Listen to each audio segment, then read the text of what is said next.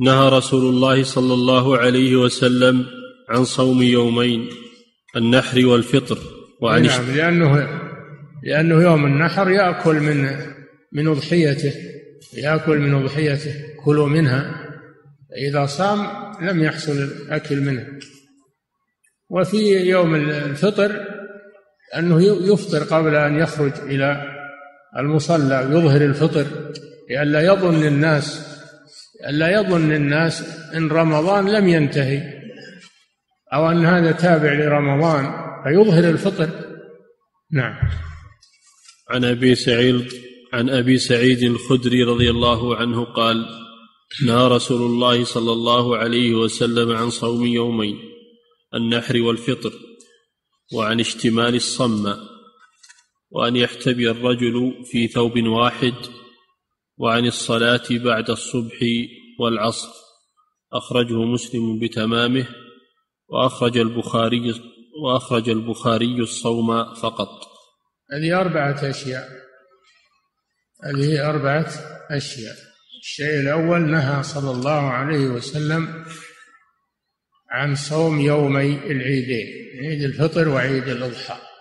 هذا عرفنا عرفناه. الثانية اشتمال نعم. اشتمال الصماء. اشتمال الصماء. اشتمال الصماء. ما هو اشتمال الصماء؟ المراد بذلك على تفسيرين تفسير أهل اللغة وتفسير الفقهاء.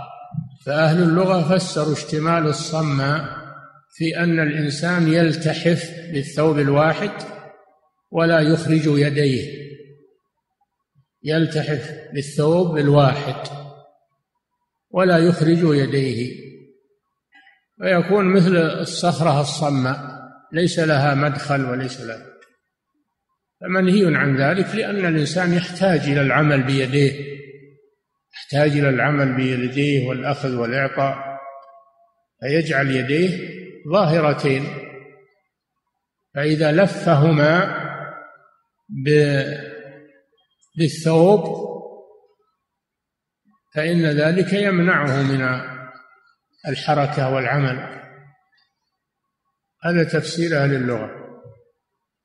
وأما تفسير الفقهاء اشتمال الصمة يقولون أنه يلبس الثوب الواحد يلف الثوب الواحد على جسمه ويجعل بعضه على عاتقه وهو ما يسمى بالإطباع. يجعل بعضه على عاتقه ويجعل العاتق الآخر مكشوفا. هذا معنى اشتمال الصمة. والعلة في ذلك أنه تنكشف عورته لأن الجانب الذي يرفعه على عاتقه يحصل بذلك أن الثوب يكون مرتفعا وقصيرا فتبدو عورته. هذا تفسير أهل الفقه. أن يضطبع بالثوب الواحد ليس عليه غيره. والعلة أن هذا مظنة انكشاف العورة. وتفسير الفقهاء يقولون تفسير الفقهاء أخص من تفسير أهل اللغة. وهم أدرى بمقصد رسول الله صلى الله عليه وسلم. الفقهاء أعرف بمقاصد الرسول صلى الله عليه وسلم من أهل اللغة فتفسيرهم أرجح. تفسير الفقهاء أرجح. والثالثة نهى أن يحتبي بالثوب الواحد. يحتبي الرجل بالثوب الواحد.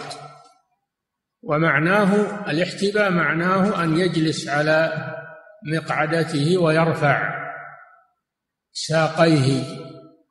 يجلس على مقعدته ويرفع ساقيه وهو ليس عليه إلا ثوب واحد تنكشف عورته. أما إذا كان عليه سراويل أو عليه إزار ثوب آخر لا مانع لكن أن يحتبي وهو ليس عليه إلا ثوب واحد فهذا تنكشف عورته. ولهذا نهى عنه النبي صلى الله عليه وسلم. والرابعة نعم. وعن الصلاة بعد الصبح والعصر. والرابعة نهى صلى الله عليه وسلم عن الصلاة بعد الصبح يعني بعد صلاة الصبح ونهى عن الصلاة بعد صلاة العصر. هذان وقتان